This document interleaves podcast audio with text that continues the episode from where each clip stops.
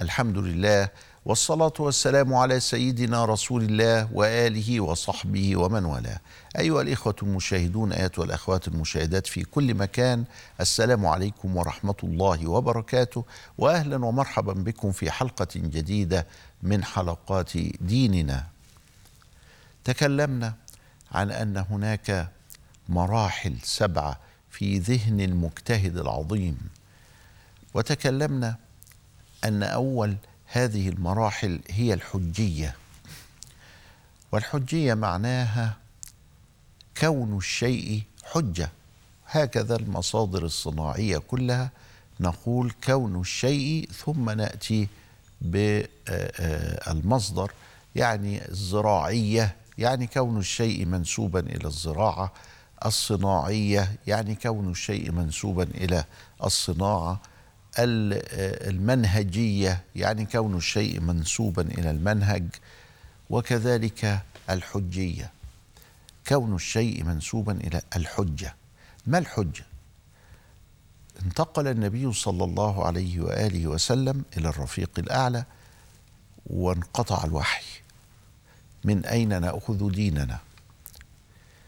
وذهب أهل السنة والجماعة إلى أننا نأخذ ديننا من كتاب الله ومن سنة رسول الله صلى الله عليه وسلم.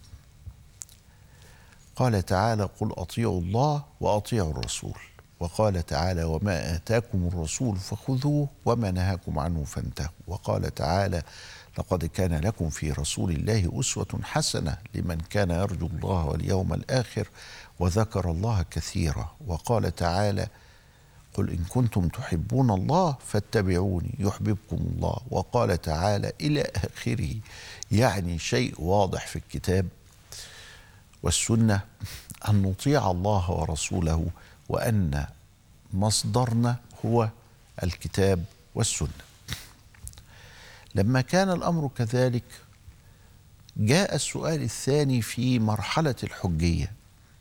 وما الكتاب؟ وما السنة؟ أين هذا الكتاب الذي تتكلمون عنه؟ فإذ بنا أمام معجزة للرسالة وأن عندنا كتاب محفوظ بكل وسائل الحفظ ومحفوظ على أعلى درجات الحفظ. أولا الكتاب نزل باللغة العربية. وهو باقي باللغة العربية. بعض ال ال الأنبياء كان يتكلم لغة وكتبت نصوصه المقدسة بلغة أخرى. لكن سيدنا النبي صلى الله عليه وسلم نزل عليه القرآن بالعربية وحفظ بالعربية. اذا فليس هناك ترجمة معاني. بل الكتاب في حد ذاته محفوظ. كيف هو محفوظ؟ نجد أن أبا بكر الصديق كما ذكرنا في أوائل لقاءاتنا قد كتب القرآن وجمعه وأنشأ لجنة من الحافظين حتى يضبطوه فخرجت نسخة أبي بكر ونسخة أبي بكر هذه للقرآن التي حفظت. ورثت لعمر وبعد عمر ورثت لحفصة وفي عصر حفصة استعارها منها عثمان بن عفان وكتب ست نسخ من المصاحف وأرسل لكل حاضرة من حواضر المسلمين مصر والشام والعراق والمدينة ومكة إلى آخره نسخة. وهذا موجود بالتفصيل في تاريخ هذا الأمر ولكن القرآن لم يحفظ في صورة مكتوب ولا في صورة اللغة العربية التي نزل بها فقط. بل الغريب العجيب أنه حفظ في صدور الناس. فهناك شخص حفظه ولقنه لأبنائه لتلامذته. وهذا التلميذ حفظه وأصبح في يوم من الأيام وهو كبير صار شيخا فنقله إلى تلامذته.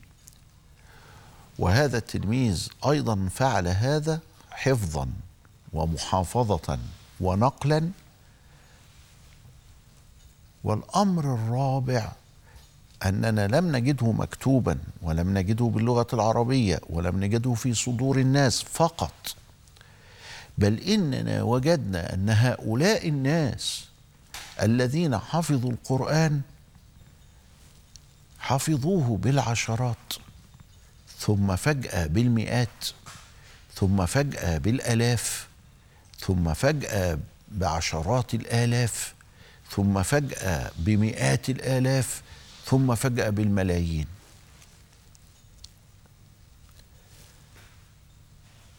ثم خامسا رأينا شيئا غريبا عجيبا في هذا الحفظ أنه قد حفظه الأولاد الصغار وليس من عانى حفظه كبيرا.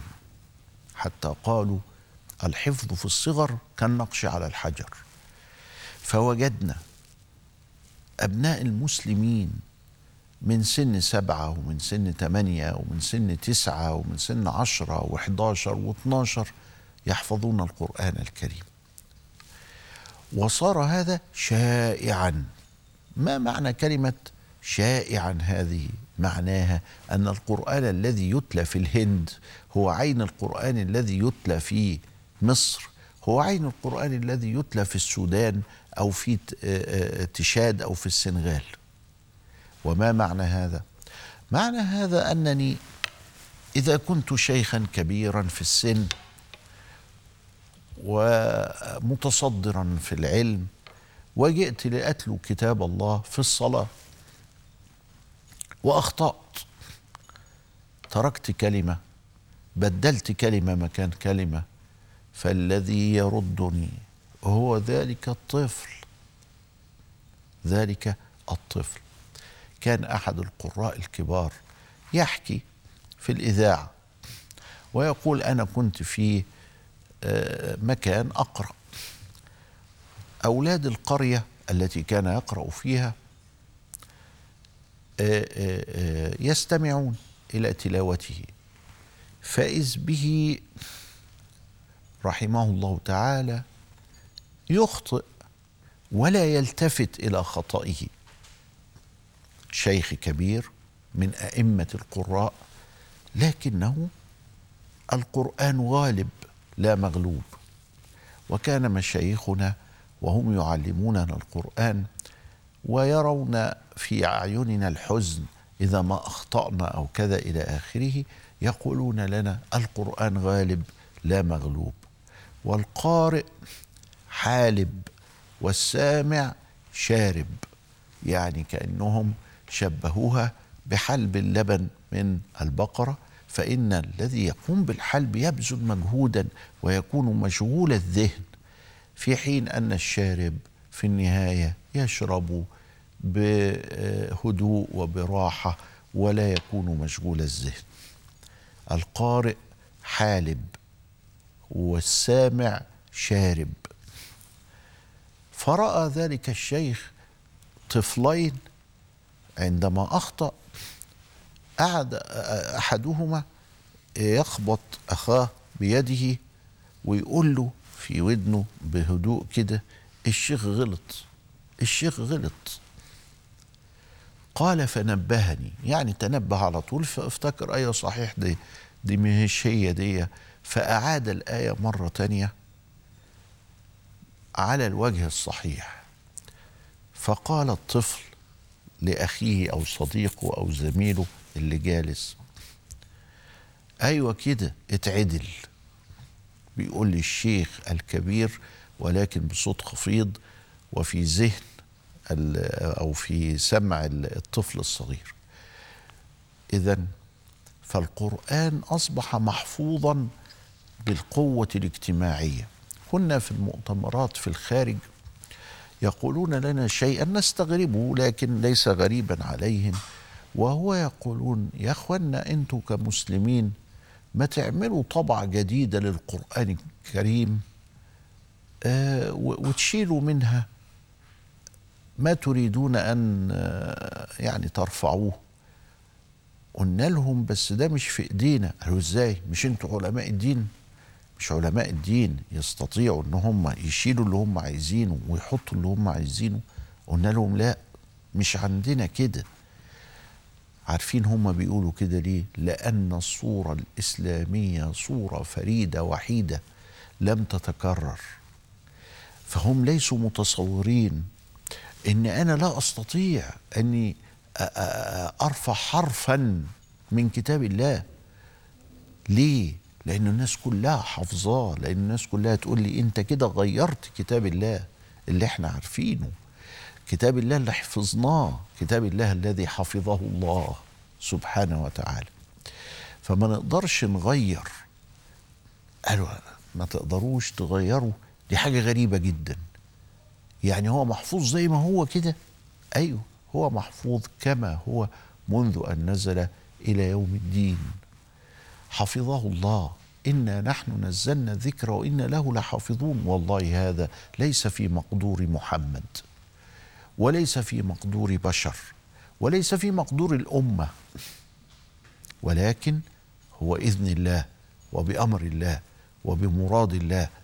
الله سبحانه وتعالى هو الذي حفظ هذا القرآن عن طريق الأمة بأن وفق الأمة لحفظه. القرآن ما هو؟ فقالوا ما بين دفتي المصحف لأنهم وجدوه محفوظا. يبدأ ببسم الله الرحمن الرحيم في سورة الفاتحة وينتهي بكلمة الناس في سورة قل أعوذ برب الناس سورة الناس. ما بين دفتي المصحف هو القرآن الكريم وهو حجة وهو مصدر. والحمد لله أن قد حفظ وتكلمنا في حلقات سابقة عن قضية القراءات وأنه حفظ بعشر قراءات حتى يفسر بعضها بعضا وحتى نصل إلى أعلى مرتبة من الحفظ المذهل المعجز وحتى تلين تلاوته في آه، آه، آه، ألسنة الناس. ولذلك تجد لما تذهب إلى المغرب يقرؤون بورش عن نافع. لما تذهب إلى ليبيا يقرؤون بقالون عن عن نافع.